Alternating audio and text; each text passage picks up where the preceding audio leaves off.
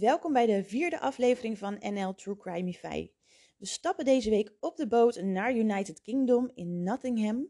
En voor iedereen die net zo sterk is in topografie als ik, niet dus, dat ligt op iets meer dan een uur rijden van Birmingham. Op 14 januari 1946 wordt daar Harold Frederick Shipman geboren. Hij is de tweede van een gezin met in totaal drie kinderen. Zijn vader heet ook Harold Frederick Shipman. Dat was een vrachtwagenchauffeur. Uh, en zijn moeder Vera, dat is een dame en die blijft bij de kindjes. Nou, het is een gezin uit de arbeidersklasse, wat zoveel zegt als ze zijn niet heel rijk, maar ook niet heel arm. Ze werken gewoon hard in loondienst. En zijn ouders zijn vrome methodisten. Dat is een stroming in de protestantse. Mensen die dichter bij eh, Harold staan, mogen hem Fred noemen. Ik ben verre van een kennis en daar ben ik na research van deze case ook niet heel rouwig om. Dus wij houden het lekker bij Harold. Harold heeft best een fijne jeugd samen met zijn uh, nou gezin, ouders, broers, zussen. En het is een, een sportieve jonge man te zijn. Hij speelt jeugdcompetitie rugby, hij was heel snel in het hardlopen en zijn laatste jaar op school was hij een vice-aanvoerder van het atletiekteam. En dat was in die tijd wel echt iets wat je een bepaalde status opleverde als in gillende meisjes langs de sportvelden. De scholen waar Harold heen gaat zijn dicht bij huis. Dus hij blijft ook thuis wonen. Hij gaat niet aan de andere kant van het land studeren of wat dan ook. Nou hij heeft gewoon al die tijd een goede band met zijn familie en dan voornamelijk met zijn moeder hij is heel gek op haar en hij, hij krijgt daar echt alle liefde van die hij nodig heeft. Dus in, in tegenstelling tot Daniel van de vorige podcast, was het hier gewoon allemaal koek en ei. Totdat er iets verdrietigs gebeurt binnen de familie. De moeder van Harold blijkt terminaal ziek te zijn. Zij heeft ook best wel een lang ziektebed en zij heeft de verschillende stadia uh, van haar ziekte moeten doorlopen. Nou, in een van de laatste stadia werd zij thuis bedlegerig met heel veel pijn. Um, ze bleef wel thuis, dus ze hoefde niet naar het ziekenhuis, maar zij kreeg morfine toegediend, waardoor de pijn flink minder werd of verdween. En in 1963, toen Harold 17 jaar was, overleed zijn moeder. Nou, hij heeft er behoorlijk ingehakt. En uh, nou, voorgaande over zijn moeder wil ik je ook even vragen om dit stukje te onthouden, want het gaat later in ons verhaal nog terugkomen. Harold weet de ballen toch hoog te houden, ondanks al zijn verdriet. En hij volgt eh, de studie, of hij begint met studeren op medical school. Hij gaat elke dag met de bus naar zijn school. En in diezelfde bus, in het eerste jaar van zijn studie, ontmoet hij Primrose May. Primrose May is niet op weg naar diezelfde uh, studie. Zij werkt als etaleur. Zij is eigenlijk is zij geen studie gaan doen. Zij is gewoon al aan het werk na de, als het ware, middelbare school. Hij weet haar te versieren. Ze gaan samen koffie drinken, nog een paar dates. En ze zijn al snel een koppeltje.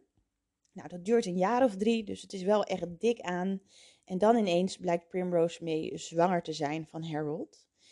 Het was in die tijd nog een dingetje. Zowel zijn eigen vader als de ouders van Primrose May forceren hen als het ware te trouwen. Dat gebeurt ook in 1966 het was echt nog wel een tijd waarin als je gelovig was, het, wel een dingetje was als je ongehuwd zwanger bleek te zijn. Dus eigenlijk was het een must. Um, de bruiloft wordt dan ook klein gehouden, dus niet met een enorme knalfuif. En uiteindelijk zou het koppel in totaal vier kinderen krijgen. Dus het is niet een, een, een, huwelijk waarbij iemand per ongeluk zwanger werd. Ze waren echt wel lang samen en ze hielden ook van elkaar. Nou, en uiteindelijk heeft dat gezinnetje zich dus ook flink uitgebreid. Ze zijn dus best wel uh, acuut getrouwd, maar wel gelukkig getrouwd. Harold kan ook gewoon uh, door blijven studeren aan de Leeds School of Medicine. En in 1970 studeert hij af. Hij krijgt een baan in het ziekenhuis Pontefract General Infirmary. En wat ook hier in Nederland vandaag de dag nog heel normaal is, is dat je niet meteen na je studie hè, op, op eigen voeten staat, maar dat je eerst nog een tijd meeloopt in de praktijk, op den duur zelf aan de slag gaat en dat er gewoon nog een mentor is waarbij je alles kan overleggen als je dat wil. En dan kom je op eigen benen te staan. Nou, voor Harold, uh, Harold gebeurt dat in 1974, dus dan is hij een jaar of vier aan het werk. En hij accepteert dan een functie in het Abraham Ormerod Medical Center. Nou, de huisartsenfunctie die hij heeft geaccepteerd, dat is wel iets waar hij, wat hij heel graag wilde. Dus het is eigenlijk wel zijn droombaan. Maar het ging niet heel erg lang goed. Want al in het eerste jaar als huisarts wordt hij betrapt op het uitschrijven van recepten. Maar dat deed hij voor zichzelf. En het ging daar om Demerol, wat een hele sterke pijnstiller is als in dat werd toen voorgeschreven bij bevallingen. Harold moet 600 dollar boete betalen. Zou je dat nu vergelijken, dan zou je uitkomen tussen de 2 en 3000 dollar. En Harold moet kort naar een afkikkliniek. Hij heeft dan nog zonder werk gezeten, maar in 1977 is hij alweer helemaal klaar om aan de slag te gaan. Met de referenties deden ze destijds mogelijk nog niet zo heel veel, want hij kon zonder enige hindernis eigenlijk ook weer aan de slag als huisarts op een afstand van nog geen anderhalf uur rijden vanaf zijn oude werkplek. En het, de organisatie waar hij komt te werken heet Donnybrook Medical Center. Hij blijft daar een flinke tijd werken, van 1977 tot 1993. En dan opent hij zijn eigen huisartsenpraktijk in Manchester. Dat is weer niet zo ver bij zijn oude baan vandaan. In die tijd werd er flink tegen de huisarts opgekeken. Het zijn mensen die toen alles wisten, veel geld verdienden, een goede studie hadden gevolgd. En dat maakte ook dat Harold nu best een gerespecteerde plek in de gemeenschap heeft weten te vinden. Vos verliest nooit helemaal zijn streken, want in 1998 beginnen de eerste signalen te komen dat er iets bij Harold niet helemaal lekker gaat. Net als nu heb je hele organisaties van ziekenhuizen die met elkaar weer één netwerk vormen. En ook toen in de United Kingdom stonden die met elkaar in contact. Is echt wel een wereldje op zich. En dan is daar dokter Linda Reynolds. En in 1998 ziet zij dus dat de aantallen qua overlijdens wel heel erg zijn gestegen. En dat de meeste daarvan bij Harold geweest zijn. Uh, als ze kijkt naar de crematiepapieren die hij heeft moeten laten tekenen. Ja, zij bespreekt haar zorgen met wat andere collega's en ze besluit John Pollard, dat is de lijkschouwer, hier ook in mee te nemen. En wat zij vervolgens doet, is nogal een flinke stap. Linda neemt namelijk het besluit om de autoriteiten in te lichten en er wordt een geheim onderzoek opgestart. Het is niet echt een malse beschuldiging en mocht het een valse beschuldiging zijn geweest, dan zou het haar haar eigen carrière kunnen kosten. Ja, dat onderzoek, los van dat opvalt dat het getal bij Harold inderdaad vrij hoog is en dat het voornamelijk om oudere vrouwen gaat, wordt er verder niet zoveel gevonden en lijkt er weinig loos te zijn. Dus het wordt niet als vals gezien, maar ze kunnen niet iets vinden waarvan ze denken: mm, dat heeft een speciale aanwijzbare reden. Het is wel raar, maar we hebben geen bewijs dat hier iets mis is. Het onderzoek wordt afgesloten. Dat heeft in totaal drie weken geduurd. Uh, dat begon in maart 1998 en eindigde in april 1998. Het was een geheim onderzoek, dus Harold heeft hier niets van afgeweten. Hij, hij, was er niet zelf bij betrokken. En wat er in dit onderzoek niet helemaal lekker is gegaan, en dat komt later ook nog wel weer terug, is dat er geen contact op is genomen met de Algemene Medische Raad of het strafregister.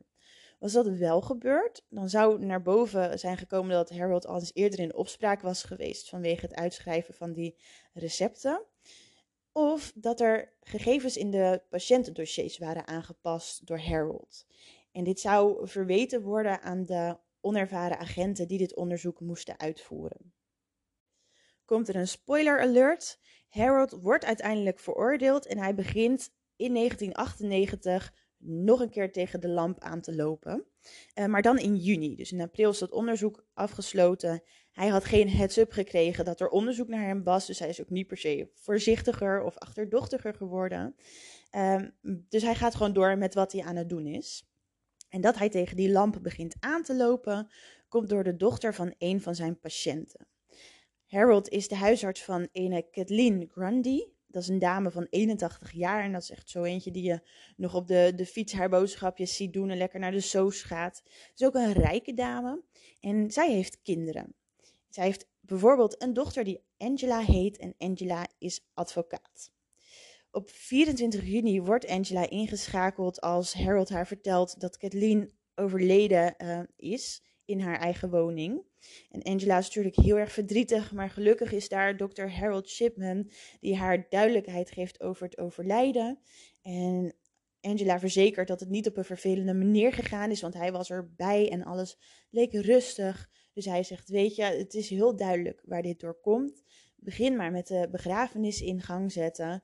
Um, dus hey, er hoeft verder geen autopsie te zijn, want er waren al symptomen dat dit zou gaan gebeuren. Aldus Dr. Shipman. Nou, zo geschiedde ook. Angela die vertrouwt hem eigenlijk blind, want het is die huisarts die zo gestudeerd heeft en die heel veel mensen helpt en, en ook haar heel fijn meeneemt na het overlijden van haar moeder. En Kathleen wordt begraven. Dr. Harold die had nog gezegd, hè, misschien crematie, maar Angela wilde wel echt dat zij begraven zou worden. En er breekt voor haar een hele verdrietige tijd aan. Maar de tijd na de begrafenis in dit geval is ook de tijd waarin alles geregeld moet worden door de nabestaanden als het gaat om vastgoed, de erfenis, etc. Angela is advocaat en zij heeft dus ook dit samen met haar moeder geregeld. Zo heeft zij samen met Kathleen het testament opgesteld. Maar dan komt ze toch voor een grote verrassing te staan. Want het testament dat zij met haar moeder heeft opgesteld, dat blijkt niet de laatste te zijn die Kathleen heeft ondertekend. En het testament dat zij dus met haar moeder heeft opgesteld, is niet geldig. En wat zij heel vreemd vindt, is dat in de laatste versie van dat testament Kathleen het aandeel of de, erfenis van haar kinderen omlaag heeft geschroefd. En dat het grootste gedeelte van haar nalatenschap naar Dr. Harold Shipman gaat. Nou, die voelde je misschien al aankomen. Maar Angela had een hele goede band met haar moeder. Ze had het hier nooit over gehad. En ze kon echt niet geloven dat dit document echt was. En er begint bij haar een grijs vermoeden op te spelen dat Harold hier misschien zelf wel een handje in gehad heeft. Want het ging namelijk niet om lage bedragen. Angela vertrouwt het echt voor geen meter en zij neemt het document mee naar de politie en zij vertelt daar haar bevindingen.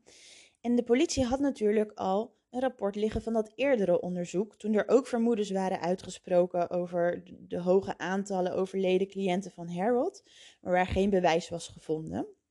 Ze nemen de signalen van Angela wel meteen serieus, want hè, één keer is toeval, twee keer, dat is al wat minder toevallig. En het lichaam van Kathleen wordt opgegraven.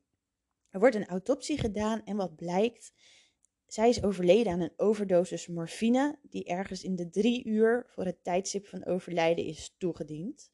En de politie gaat de gangen van Kathleen na, de dag, voor de, de dag van haar overlijden, de dag ervoor, om te kijken, hey, hoe is dit gegaan? En zij weten te achterhalen dat Harold niet alleen kort voor of kort na het overlijden van Kathleen op bezoek is geweest bij haar, maar ook nog in die drie uur daarvoor.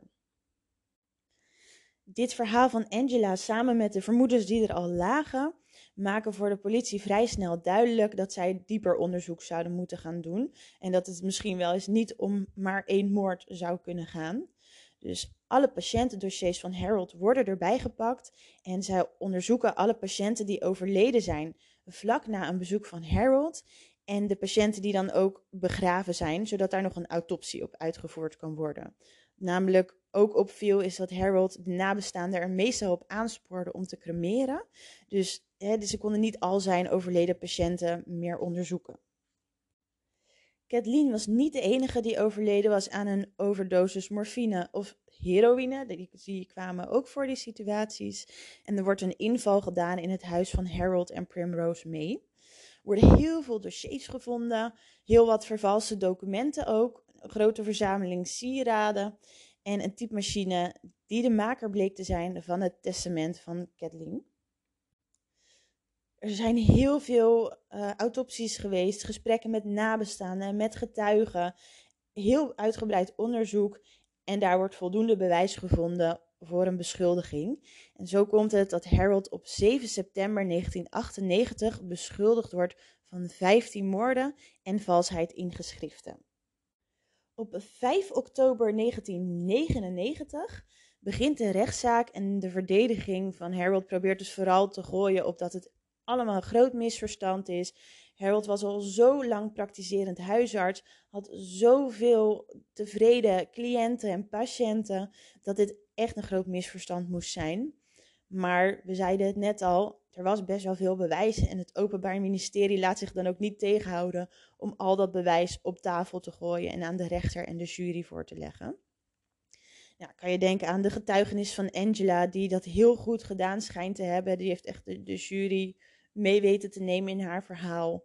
De uitkomsten van de autopsies, de toelichtingen van de patholoog over de, de overdosissen die bij alle patiënten leken terug te komen een computeranalist die vertelde hoe Harold te, te werk was gegaan met die vervalsingen. En het valse testament waarop geen enkel vingerafdruk van Kathleen was gevonden. Dat op zich zou geen bewijs zijn, maar in dit totaalplaatje wordt aangenomen dat dat ook vervalst is. Met al dit bewijs claimt het Openbaar Ministerie dat zijn betrokkenheid absoluut gespeeld was. Geen enkele van zijn slachtoffers was terminaal ziek, want dat is vaak de situatie waarin je eh, een grote dosis morfine toegediend krijgt. En zij vermoeden dat Harold graag controle had over leven en dood. Zo krijgt hij de bijnaam Dr. Dood of de Engel van de Dood.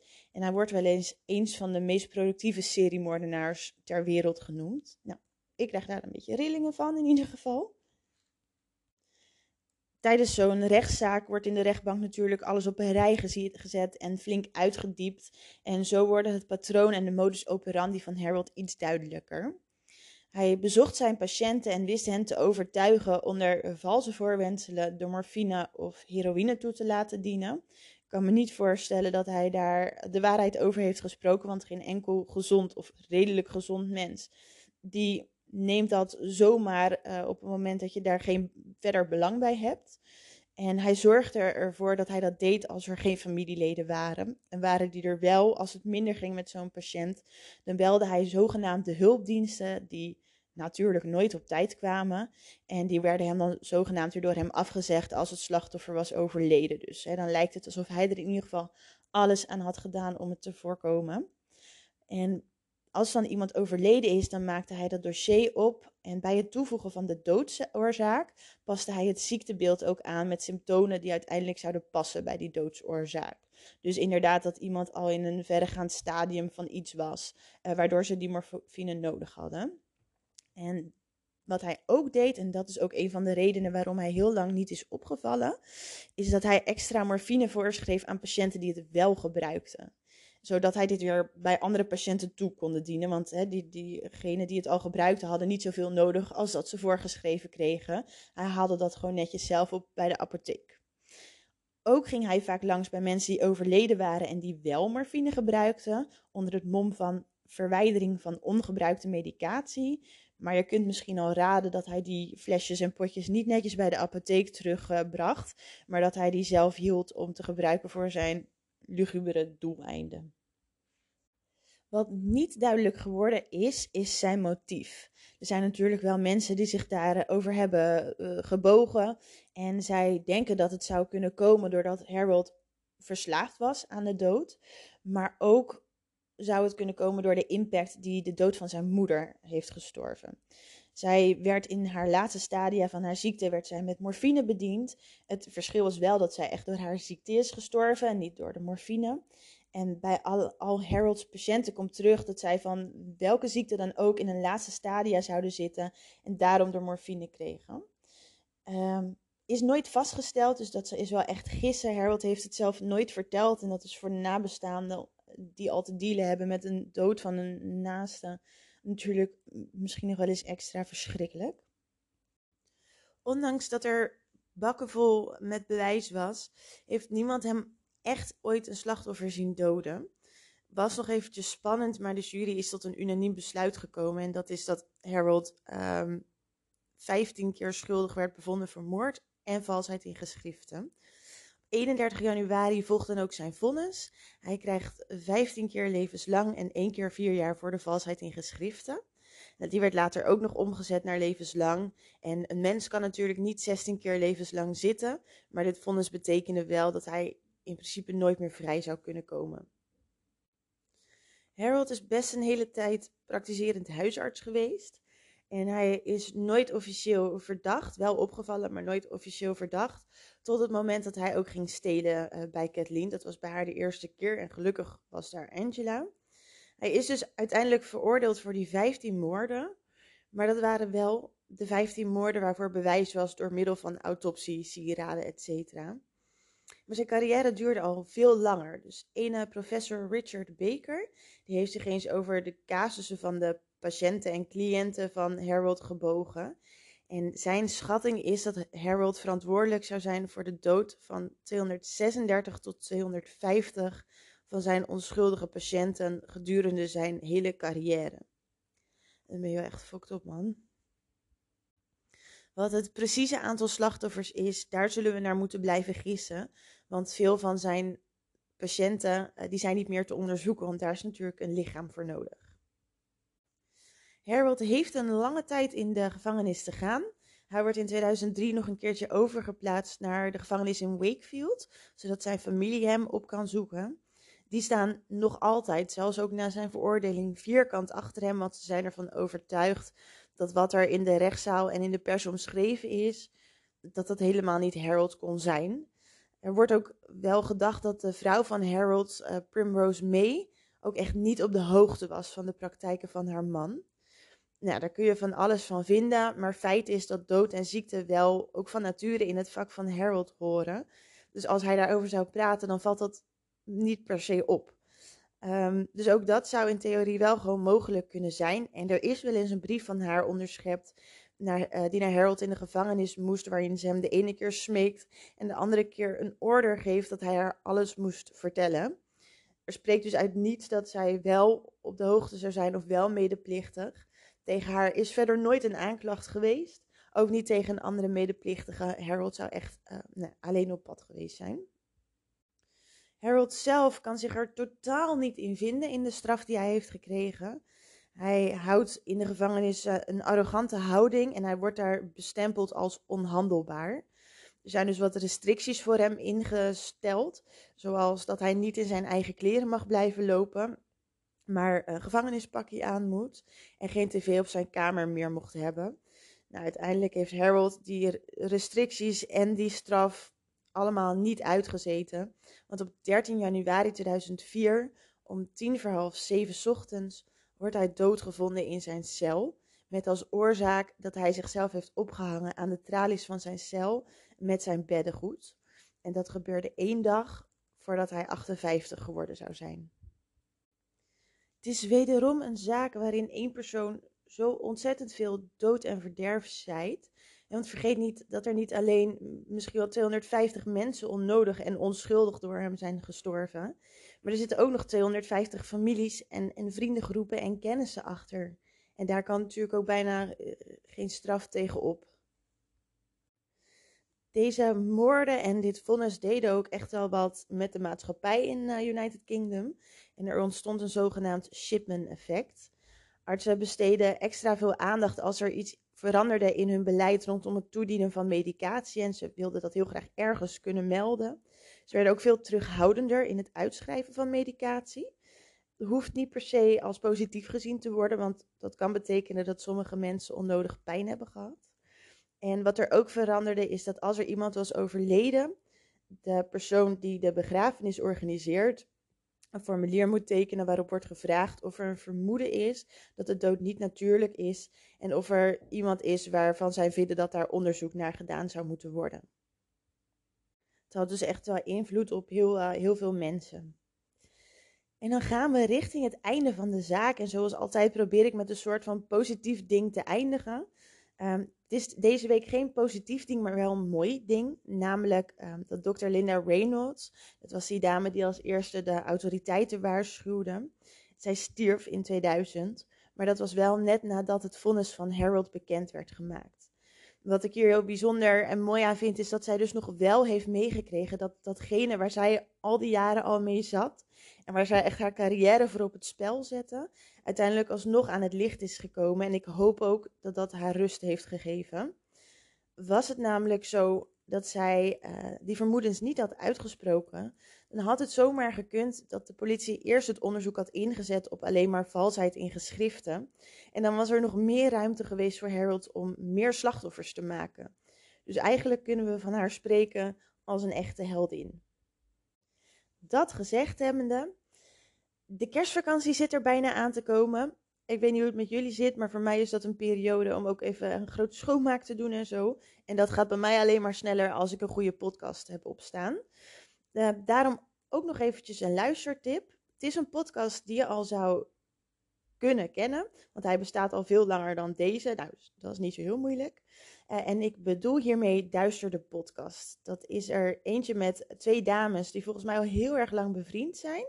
En om de week posten zij een aflevering waarbij de ene dame een true crime case bespreekt en de andere dame een paranormale zaak.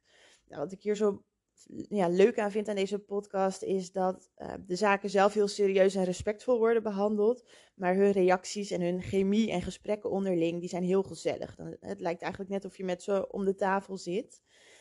Zij hebben al best wel wat afleveringen gemaakt. Dus die grote schoonmaak kom je met hun ook wel door. Zelf neem ik de afleveringen altijd al een stukje vooruit op. Dus ondanks de grote schoonmaak die hier gaat gebeuren, blijven de afleveringen ook de komende weken wel gewoon komen. En later deze week kun je ook nog rekenen op wat extra afleveringen. Wat die precies gaan inhouden, dat zeg ik nog even niet. Maar er is elke dag iets nieuws op dit kanaal te vinden. Heb je nou zelf nog ideeën of suggesties, aanvullingen, noem maar op? Dan kun je lid worden van de NL True Crimeify Facebookpagina. Zou ik heel leuk vinden, want ik ben heel erg benieuwd naar wie de mensen zijn die luisteren naar deze podcast. En of het ook qua zaken is wat je leuk vindt. En voor nu in ieder geval heel erg bedankt voor het luisteren. Tof dat je er weer bij was. En tot snel. Doeg!